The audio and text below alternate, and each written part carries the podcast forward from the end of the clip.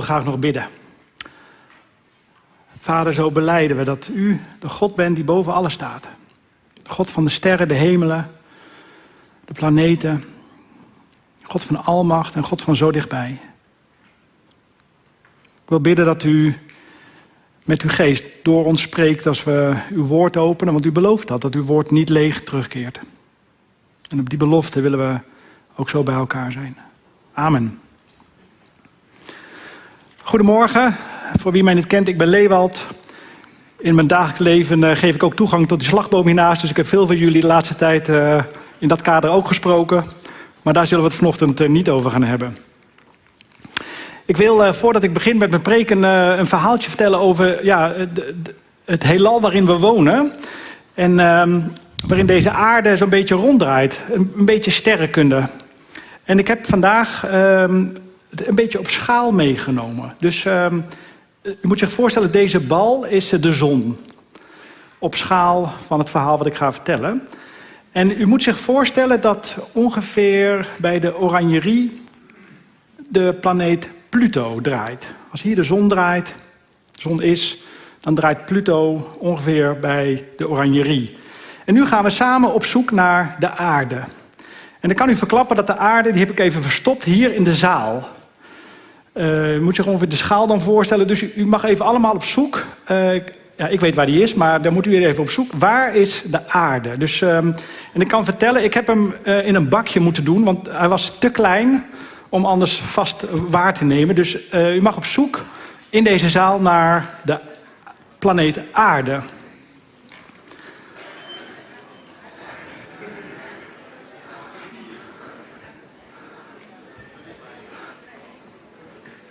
Ik weet niet, is er al iemand die het planeet aarde heeft ontdekt? Ja, ik, ik zie Goos daar toch met een... Uh... Heb je hem, Goos? Kun je vertellen wat je ongeveer ziet? Kun je dat even roepen aan ons? Ik zie niks. Nee. Maar moet je beter even je goede bril opzetten, Roos.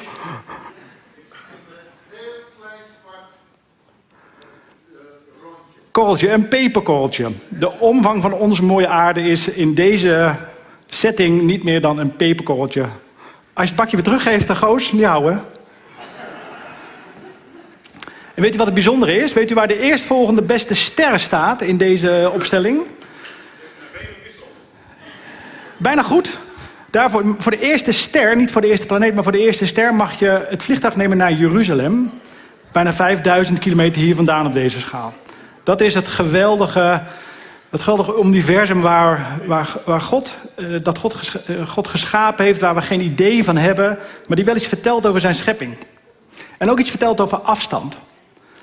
En dit helpt misschien een klein beetje om het idee afstand even een beetje op waarde te schatten. Goed, ik zal de zon hier laten. Afstand, dat is een beetje het thema van de preek. En ik vond het ook wel mooi passen op waar we het tot nu toe over gehad hebben. En ik ga een verhaal met u lezen uit het Evangelie van Lucas. Ik heb misschien wel eerder verteld, ik vind Lucas een van de mooiste boeken uit zeker het Nieuwe Testament. U weet misschien dat Lucas twee boeken heeft geschreven. Wie weet het tweede boek? Handelingen. Je zou het ook Lucas uh, 2 kunnen, of twee Lucas kunnen noemen, maar um, een arts, de enige niet-Joodse schrijver in het Nieuwe Testament, schrijft toch bij elkaar een heel belangrijk stuk over wat we mogen weten van het leven van Jezus, op zijn eigen manier. Want hij wil een goed verslag geven van het leven van Jezus. Nou, voordat we beginnen uh, ga ik nog wat aan u vragen, want ik moet namelijk even raden waar het verhaal over gaat. En um, dat heb ik gedaan met een tekeningetje en dat krijgt u uh, ja, heel kort te zien. En dan mag u even goed opletten of u herkend heeft waar het verhaal over gaat vandaag. Is iedereen daar helemaal klaar voor? Ook achterin goed te zien? Zwart. Is even spannend of dat werkt. Hij had weer weg moeten klikken eigenlijk, maar goed. Nou, u heeft het nu wel genoeg gezien. Uh, heeft iemand herkend waar dit over gaat? Zacchaeus. Ja, heel goed. Het is natuurlijk wel verdrietig dat, dat je zo'n beetje zo, maar zo ja, bekend bent geraakt... duizenden jaren later in andere culturen... dat dat een beetje je, soort je, je legacy is. Nou goed. Wat zei je? Wat? Ik vind het een slechte maar ik weet het Ja. Dit is wel een beetje het beeld van de kinderbijbel. En eigenlijk is het jammer dat we soms beelden van de kinderbijbel denken... oh ja, Zacchaeus is met die boom. Maar toch gaan we het daar vandaag eens over hebben, wat we daar nog van kunnen leren vandaag. En ik denk eh, eigenlijk heel veel. Zacchaeus die in de boom klimt. Ja, Lucas schrijft het verhaal heel mooi uh, op. Uh, Lucas is de enige die over het verhaal van Zacchaeus schrijft. En Zacchaeus, die, of Lucas, die, die schrijft aan het einde van alle gebeurtenissen van het leven van Jezus. En Zacchaeus is eigenlijk het laatste grote verhaal voordat Jezus naar Jeruzalem gaat. Dit staat in Lucas 19. In Lucas 20 gaat Jezus voor zijn laatste reis naar Jeruzalem om gekruisigd te worden, te sterven en ook weer op te staan. Het is heel mooi hoe Lucas het verhaal een beetje opbouwt. Want vanaf een bepaald stuk heeft Lucas het steeds over de koning die komt. Eh, in, net hiervoor vinden we het verhaal over kinderen die bij Jezus worden gebracht. En waarvan Jezus zegt, wie het koninkrijk niet ontvangt als een kind... dan krijgen we de rijke jonge man die uh, ook een vraag stelt over hoe je dat koninkrijk dan binnengaat. Hoe koning Jezus in je leven kan komen. En dan zegt hij dat mensen die rijkdommen hebben het wel ontzettend moeilijk hebben. Er staat het verhaal van die kameel en die naald door het oog van die naald die kameel dan nooit komt. Dan komt er een blinde langs de weg en die roept: Zoon van David, hè, koningszoon, maak mij weer ziende. En dan vinden we het verhaal van Zacchaeus en kort daarna vinden we nog dat Jezus nog een gelijkenis vertelt, omdat iedereen intussen wel dacht dat, de koning, dat het koninkrijk nu echt wel zou komen. Dat het koninkrijk in Jeruzalem zou worden gesticht. Dus het thema is eigenlijk dat die koning komt en dat die laatste stukken, die, die haalt Lucas er nog eens even uit om, om te vertellen wat heel belangrijk en belanghebbend is om meer te begrijpen over de Heer Jezus zelf. Nou, laten we maar even lezen. U kent het misschien. Lucas 19, daar begin ik te lezen. Jezus ging Jericho in en trok door de stad. En er was daar een man die Zacchaeus heette. En hij was hoofdtollenaar en hij was heel erg rijk. Hij wilde Jezus zien. Om te weten, te komen wat voor iemand dat dan was. Maar het lukte niet vanwege de menigte, want hij was klein van stuk. Daarom liep hij snel vooruit en klom in een vijgenboom om Jezus te kunnen zien. Wanneer hij voorbij kwam. Toen Jezus daar langs kwam, keek hij naar boven en zei: Zacchaeus, kom vlug naar beneden, want vandaag moet ik in uw huis verblijven. Zacchaeus kwam meteen naar beneden en ontving Jezus vol vreugde bij zich thuis. Allen die dit zagen, zeiden morgen tegen elkaar: Hij is het huis van een zondig mens binnengegaan om onderdak te vinden voor de nacht. Maar Zacchaeus was gaan staan en zei tegen de heren: Luister, heren, de helft van mijn bezittingen zal ik aan de armen geven. En als ik iemand iets heb afgeperst, zal ik het viervoudig vergoeden. Jezus antwoordde: Vandaag is dit huis redding ten deel gevallen, want ook deze man is een zoon van Abraham. De mensenzoon is gekomen om te zoeken en te redden wat verloren was.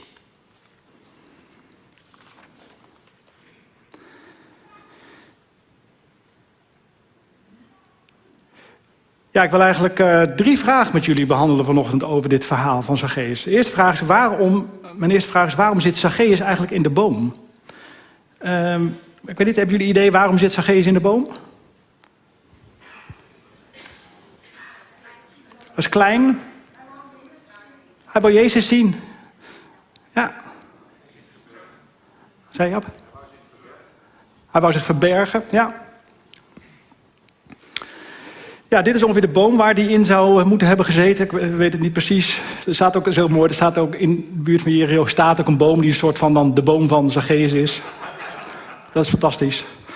Net zo fantastisch als geloof ik dat er een herberg is waar de barmhartige Samaritaan dan zou zijn verzorgd en zo. Dat zijn van die heerlijke, ja, van die heerlijke dingen. Maar goed. Misschien is dat beeld van die kinderbijbel ook, ik weet het eigenlijk niet precies. Maar hij gaat natuurlijk in die boom, uh, eigenlijk omdat iedereen ervoor staat, denk ik. Hij wil namelijk Jezus zien. Iedereen wilde blijkbaar Jezus zien in die tijd. En het gerucht gaat dat Jezus komt en dat hij ook door Jericho zou komen. En hij had een bijzonder wonder gedaan, hè, want in, net voor Jericho had hij dus een blinde man genezen. En dat verhaal dat zal ongetwijfeld de ronde gelijk hebben gedaan. Dat ging trouwens ook nog maar net, dat wonder. Want Jezus werd bijna verhinderd om bij die blinde man te komen. Ze zeiden van, nee, nee, nee, niet zo schreeuwen. Er komt een belangrijk man langs, misschien wel koning. Laat hem gaan, het is hier een nette buurt. En dat geschreeuw van, van jou, dat moeten we er niet bij hebben, wordt er gezegd. We zijn hier wel een beetje op stand, een beetje rustig aan. Maar Jezus ziet dat, ziet die man natuurlijk wel. Die man, die blinde man in dit verhaal hiervoor, die schreeuwt de long uit zijn lijf. En dan komt Jezus in Jericho. En Jericho ligt uh, net naast het oude Jericho, uh, wat we kennen uit het Oude Testament. Dit is eigenlijk een nieuwe stad die Herodes heeft laten bouwen. Mooi gelegen, een mooie Phoenixwijk zullen we zeggen. Gewoon alle gemakken. Het ligt heel mooi aan belangrijke routes. Dus het is een fijne plek om te zijn. Prettig klimaat. Een mooi plekje, zou je kunnen zeggen. En die blinde man werd het onmogelijk gemaakt om bij Jezus te komen. En ik geloof dat eigenlijk Zacchaeus het ook gewoon onmogelijk werd gemaakt om bij Jezus te komen. Ik denk dat als hij langer was geweest, had nog niet veel geholpen. Hij was namelijk oppertollenaar. Ja, dat is wel zo'n beetje een soort uh, summum van tollenaar zijn. En dat is niet al te positief. We moeten hier natuurlijk uitkijken met mensen die mogen bij de Belastingdienst werken. Maar hij, was, hij werkte daar natuurlijk bij de Belastingdienst. Maar hij had er wel zijn eigen rol in. Hij mocht die belastingen innen die de Romeinen vertelden dat hij moest innen. En hij mocht daar als een soort halve landverrader bij optellen wat hij zelf wilde doen. En gezien zijn rijkdom deed hij dat ook. Zeg maar bij de Belastingdienst en dan heel veel zin in hebben eigenlijk je landgenoten ertussen te nemen. Geen schijn van kans in de menigte, denk ik.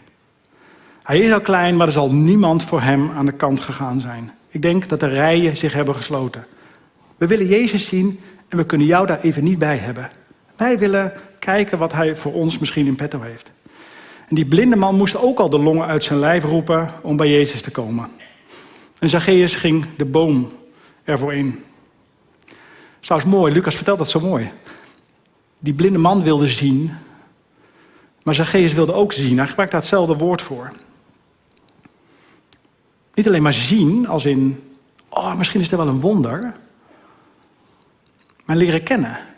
Het is heel mooi, ditzelfde woord, datzelfde woordpaar over leren zien, is wat, wat uh, Lucas ook gebruikt bij Herodes. Nadat Herodes heel erg is gaan twijfelen, nadat hij Johannes de Doper heeft laten vermoorden, over wie Jezus eigenlijk is. En dan, en dan staat precies hetzelfde zinnetje daar. Hij wilde eigenlijk Jezus wel graag zien. Hij wilde hem wel leren kennen. Wie is die Jezus toch? Leren kennen. Ik denk dat de rest meer mogelijk op weg was een wondertje te zien. Dus te kijken hoe dat zou gaan. Als we de koning te zien. Eindelijk verlossing van de Romeinen. Misschien was Zacchaeus wel de enige echte Jezuszoeker in de menigte. Ik heb geen idee hoe dat kon. Dat vertelt het verhaal ook niet. Geen idee hoe hij tot de overtuiging kwam dat hij Jezus wilde leren kennen. Ik vind het al een wonder op zich. Ik vind het ook heel erg bemoedigend dat we soms ook niet weten hoe dat werkt. Maar Zacchaeus de boom in, de schaamte voorbij. En dan die ontzettend bijzondere woorden. Zacchaeus, haast je, want ik moet vandaag in je huis verblijven. Er zal vast meer gezegd zijn, maar ik denk dat dat de kern wel is. Ik denk dat Zacchaeus ook gelijk honderd uitpraat.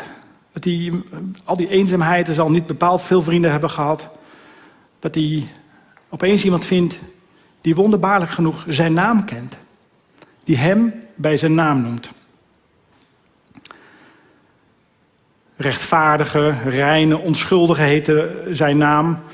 Ja, dat is wat je doet als je kleinere kinderen krijgt. Dan geef je altijd van die snoezebollige naampjes van uh, onschuldige. En uh, nou, dat is bij zijn geest dan misschien een beetje anders gelopen. Maar Jezus noemt hem weer bij zijn naam. Hij kent hem natuurlijk helemaal niet, maar Jezus weet dat. En dat zal voor zijn geest denk ik echt een schokgolf geweest zijn. Dat de schepper van hemel en aarde, de maker van alle sterren, alle hemelen en planeten, bij hem in één keer op bezoek kwam. Zijn naam genoemd, dat is denk ik wat Jezus doet. Jouw naam noemen, is denk ik wat Jezus doet. Waar je ook zit, of jij in die boom zit of niet.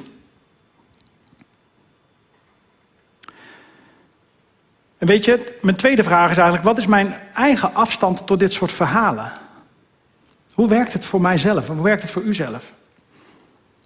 Laten we nog even die schijnwerper op die mensen richten. Die mensen die de oorzaak zijn van het feit dat hij even eigenlijk de boom in moet.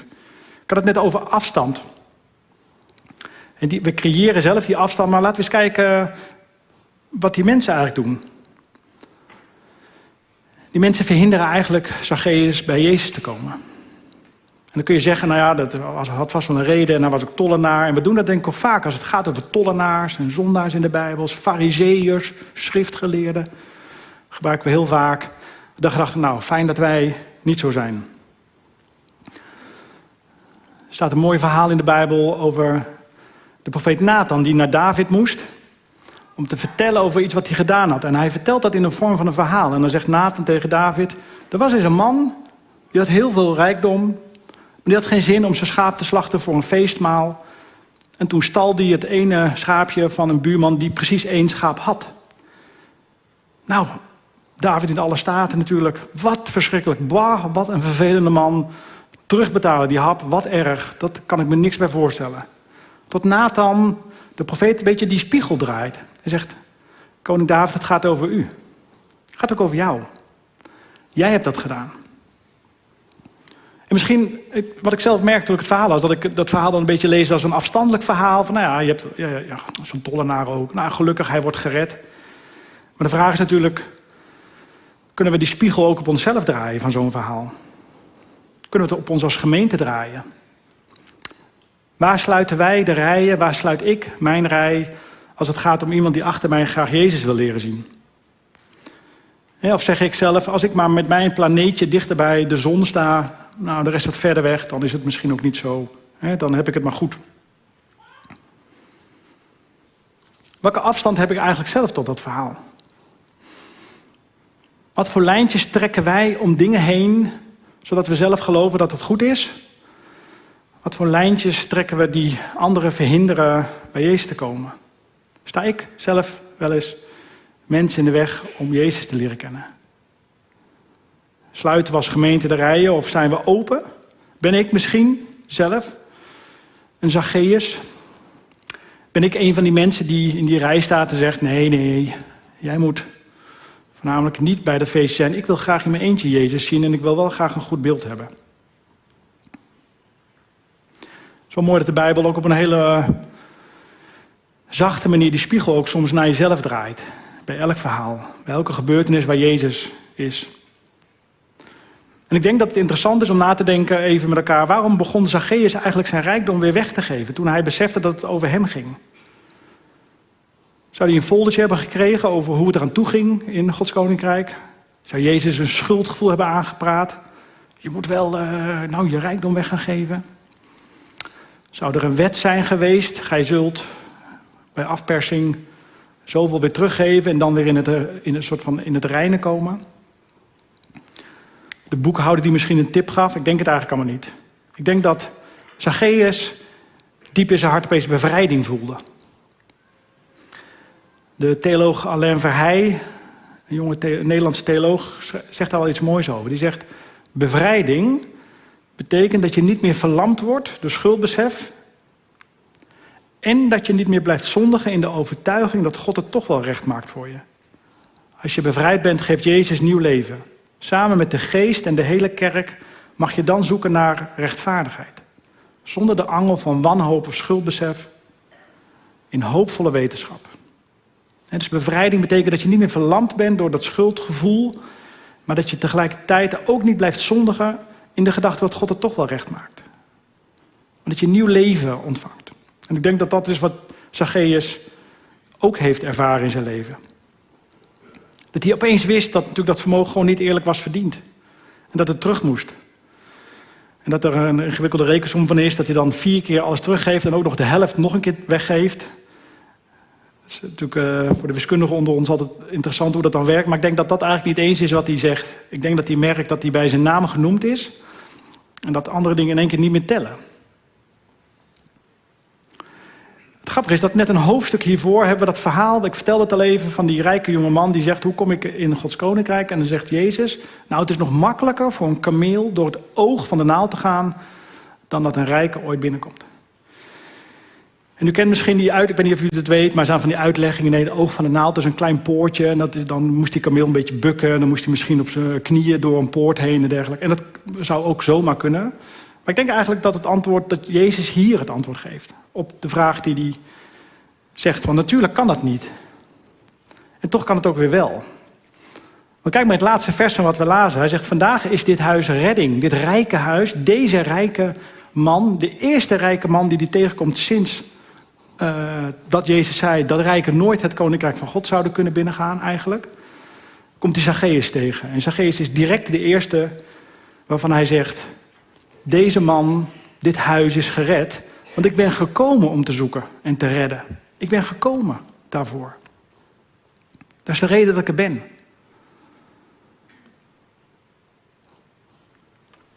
Mij raakte pas geleden dit artikeltje in de visie. Zo'n klein artikeltje, wereldwijd 50 miljoen slaven. Tot slaafgemaakten, moeten we zeggen. Want ze zijn natuurlijk geen slaaf. We hebben ze tot slaaf gemaakt. Dat komt natuurlijk omdat ik een footprint heb, een levensstijl die het nodig maakt dat dat gebeurt. En het raakt me wel eens dat, we daar eigenlijk, dat ik daar zo weinig over nadenk, hoe dat werkt. Dat we ons misschien wel überhaupt in het Westen weinig zorgen maken over hoe onze rijkdom tot stand komt. En ik weet dat er tijden zijn waarin je daar misschien nu van zegt, maar je moest eens weten hoe moeilijk ik het heb en dat, dat, dat zou ik ook helemaal willen laten staan. En tegelijkertijd, als we in Nederland wonen, wonen we in de 10, 15 procent. Bent u, zijn we, in welke omstandigheid ook, we horen tot de 10, 15 procent rijkste mensen van deze wereld. Ben ik nog bewogen met dat wat mijn vermogen, mijn inkomsten, mijn levensstijl eigenlijk allemaal uh, nodig heeft? Ik denk dat Zacchaeus ook zoiets had van, van hoe werkt het eigenlijk? En, en zijn, in zijn getuigenis was dat hij het gelijk weggaf. Het is vandaag ook Miga-zondag. Ik weet niet of mensen dat, dat fenomeen kennen. Een wereldwijde beweging over rechtvaardigheid. En ik vond het wel mooi hoe ze de link willen leggen tussen bevrijd leven, maar niet per se met een schuldgevoel en dus met een soort moreel appel om, om morgen alles maar om te gooien. Maar wel om te zeggen, hoe zou ik dat dan willen? En Zacchaeus, denk ik, gaat ons voor. Die doet dat radicaal. Maar gewoon de vraag te stellen. Hè, voel ik mij thuis? Hoe werk ik als rechtvaardige? De naam van Zacchaeus betekent onschuldige als door Jezus bevrijd, hoe werk ik eigenlijk in een op zich schuldig systeem? In een systeem dat natuurlijk ook niet vol kunnen houden. En waar ik misschien wel als christen, als door Jezus bevrijd, ook wel iets over mag vinden. Misschien helpt het je om thuis dat thema van Micha Zondag uh, eens te googlen. Gewoon eens te kijken, ze hebben daar wel mooie beelden van. Over hoe je Nogmaals, als bevrijd mens zonder per se vanuit schuldbesef, schuldgevoel te denken dat het niet meer mag, maar te weten dat, uh, zoals Zacchaeus was, een bevrijd mens die keuzes richting Jezus maakt. Omdat ik geloof dat dit verhaal van Zacchaeus ook gewoon voor vandaag uitermate actueel is. En de vraag is of je een gevende leefstijl hebt. Heb je een stijl die in je tijd en in je aandacht geeft? Zoals Dirk vorige week zei, sinds ik bij de Heer Jezus hoor, zie ik opeens mensen. Terwijl ik ze natuurlijk daarvoor ook al zag. Een gevende levensstijl betekent in eerste instantie dat je naar andere mensen kan kijken.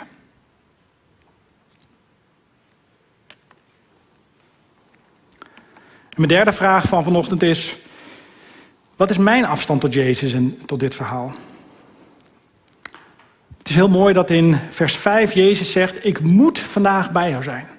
En wij zijn de laatste tijd natuurlijk ook wel heel erg van het niet moeten. Het niet meer zo hoeven. Dat, het, dat we even mogen rusten. En dat vind ik eigenlijk ook wel heel erg mooi. Dat we beleiden dat we niet opgejaagd hoeven te zijn, maar dat we mogen leven vanuit rust en ruimte. Dat we, dat we een God hebben die ons rust en ruimte geeft. Dat we op zoek mogen naar onszelf daarin. In een tijd waarin je makkelijk over de kop gejaagd wordt. Maar 2000 jaar geleden had Jezus wel verschrikkelijk veel haast. Hij moest bij, bij Zacchaeus komen, staat er. Hij moest hem zien. Kom vlug, want vandaag moet ik in jouw huis verblijven. Jezus was op een missie. Jezus had wel haast. Jezus kon niet langer wachten. En hij vertelt ook waarom. Jezus is gekomen als zoon des mensen, zoon van God, om te zoeken wat verloren was. En Jezus kende de naam van Zacchaeus al vanaf de grondlegging van de aarde. Toen die planeten waar we het over hadden gemaakt werden, toen wist hij al Zacchaeus zijn naam. En toen hij Zacchaeus had ontmoet, was Jezus ook nog niet klaar. Het was niet per se direct allemaal goed. Jezus moest nog naar het kruis. Jezus moest sterven voor dat wat Zacchaeus had gedaan. Zijn zonden, zijn fouten. En niet alleen wat Zacchaeus had gedaan, wat wij alle allemaal doen. En dat Jezus weer op zou staan. Dat was de ontmoeting die Jezus met Zacchaeus had. Dat leidde bij Jezus tot de noodzaak om te sterven voor ook zijn zonde. En het leidde bij Zacchaeus tot bevrijding en nieuw leven. En dat is niet altijd makkelijk. Als wij bezoek krijgen, dan hebben Rie en ik zo'n beetje de onuitgesproken afspraak... dat we zo vlak voor dat bezoek nog heel eventjes... dat ik dan even de piano zo'n beetje waar al het stof zo op zit... op dat gladde zwart, een beetje zo netjes maak... en dat ik even de, het glas wat opzij zet of het oud papier even weghaal... of nog heel even kijken of het onder de bank ook gestofzuigd is. U kent dat misschien wel, maar misschien zijn we ook wel de enige, ik weet het eigenlijk niet.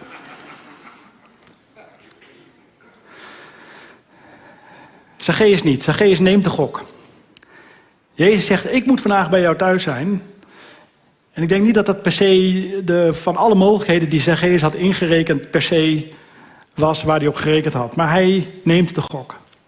En dat is in openbaringen. Zegt Jezus, ik klop gewoon aan de deur. Vandaag. Ik moet bij jou zijn. Precies bij jou. En wat zou ik dat doen als ik als dat mij overkomt, nou, dan merk ik soms dat ik het best lastig vind. Dan dat ik het liefst Jezus nog, met Jezus nog een beetje aan de deur wat praat, voordat ik hem helemaal binnenlaat. Er zijn best wel dingetjes die ik zelf nog niet helemaal met Jezus zo makkelijk kan bespreken. Andere dingen wel, maar, maar Jezus ziet het echt heel anders. Jezus zegt, haast je. Ik ben op zoek naar jou vandaag. Ik heb gemerkt in mijn eigen leven dat het heerlijk is om gekend te zijn door deze Heer Jezus. Die zo graag in mijn huis wil zijn. Zo graag in mijn leven wil zijn. Zo graag in jou en uw leven wil zijn.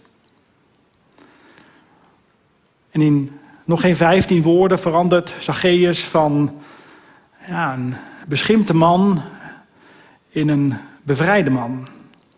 Ik weet niks van zijn leven verder. Er wordt wel gezegd dat hij later bischop zou zijn geworden. Nou, dat weet ik allemaal niet zo goed. Uh, maar ergens zal dat een enorme impact hebben gehad. Ik wil gaan afronden. Ik denk ten diepste dat dit wel een mooi plaatje is over wat er vandaag in het verhaal van Zacchaeus gebeurde.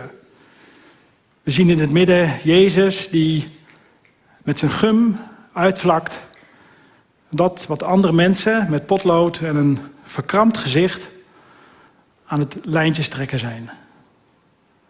Lijntjes trekken om ons leven, lijntjes trekken om groepen, lijntjes trekken op wat goed is of niet goed. En dat doen we als kerk, denk ik, dat doen we als mens om een lijntje te trekken en te zeggen dat we er niet overheen mogen, of dat anderen die niet in dat lijntje, in dat vakje zitten, niet passen.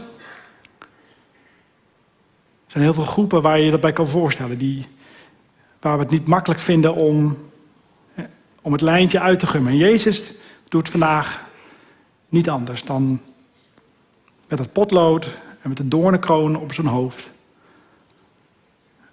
Ja, de lijntjes weer uit te gummen die we zo driftig aan het tekenen zijn. Mijn vraag aan jullie vanochtend is: maken wij het mensen makkelijk om Jezus te leren kennen? Maak ik het in mijn leven makkelijk voor anderen om Jezus te leren kennen?